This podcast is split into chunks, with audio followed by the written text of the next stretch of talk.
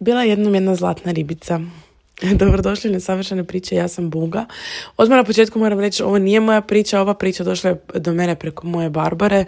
Barbara Tursan-Mišić, za one koji mene prate na Instagramu, eh, ja je zovem moja šamanica, ona je inače coach. Imali smo, ali eh, ona nekako tu priču nije nigdje podijelila, preko pa ok, možda ta priča došla do mene da i ja prenesem dalje. Eh, uglavnom, u svakom slučaju, hvala Barbara. Znači imali smo coaching uh, i ja sam u nekoj, nebitno sad u čem sam ja, uh, uglavnom ona je podijelila sa mnom priču o zlatnoj ribici koja evo prenosim vama dalje istinite priče, probat ću video staviti u opis uh, ovog uh, podcasta pa možete, odnosno u show notes, kako se to kaže, pa možete i pogledat, ali evo možda za one kojima se ne gleda, ne znam, nekako je ova priča me povukla za rukava, ajde me ispričaj, pa ću je ispričat. Uglavnom, bila je jedna mala zlatna ribica, koja nije bila zlatna. Um, naime, bila je u akvariju u pet šopu jedna riba koja je bila crna, e, dosta letargična, koliko sam ja shvatila dosta stara um, i niko nije htio kupit, uh, e, jednak je bila na podu akvarija, nije se baš još puno micala, bila dosta veća e, i niko je nije htio. I jedna djevojka je došla u taj pet shop eh, i gledala je tu ribicu i vidjela da ono, ribica ne, kret, ne ide po akvariju, ne, ne ponaša se kao klasične ribe i kao da nešto nije u redu s njom. I vidjela je da ima i nekakve lezije na trbuhu i odlučila je uzeti ju doma i spasiti ju kao ajde bar da joj... Jer je izgledala ribica kao da je na samrti, kao da će uginut. Ajde barem da joj dam nekakav nekakvo utočište ono zadnje dane da bar um-, umre nam i ugine na miru. Um, I uzela je tu ribicu, stavila je u drugi akvari, promijenila je vodu uh, i mislila je ok, kao ribica sigurno neće preživjeti noć da bi se sljedeće jutro probudila, a ribica je dalje bila tamo. I ona je nastavila i brinula se o tim njenim lezijama na trbuhu jer je to vidjela i na to je pazila, filtrirala je vodu, ono, brinula se, ne, ja ne znam kako se brine o ribicama, ali davalo je sve što ribicama treba. Prebacilo je čak iz akvarija u mali kao, isto vjerojatno akvarija, ali nešto što izgleda kao jezerce. I onda se to počelo događati nešto jako čudno. E, ta ribica prvo na trbuhu je počela kao Trebuha nije bio crn, nego je bio tako bijelkast, malo se sjajio.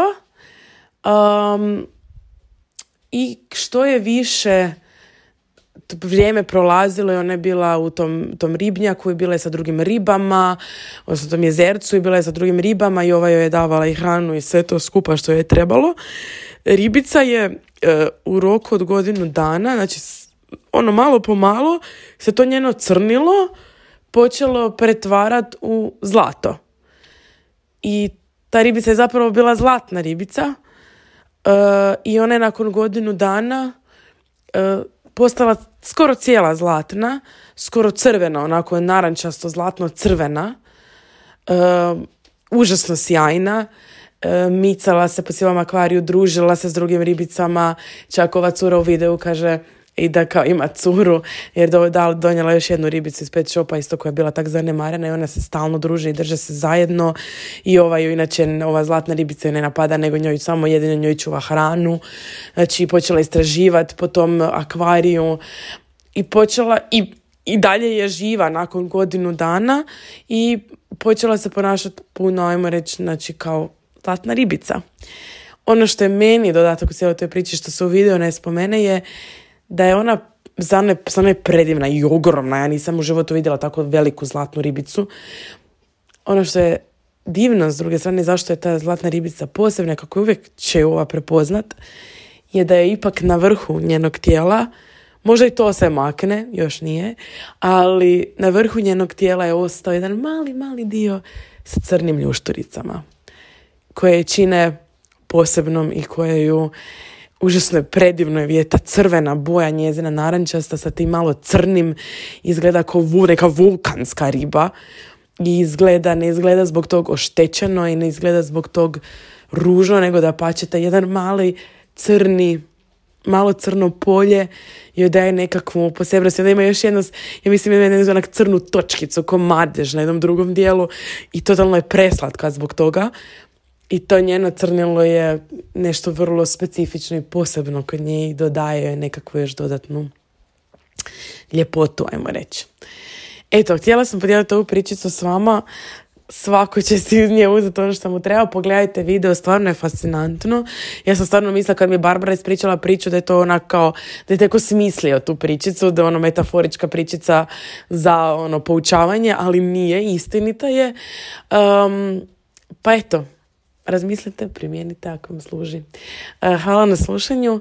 E, podijelite naravno ako ste poslušali epizodu, ako vam je nešto značilo, vaše razmišljanje o njoj.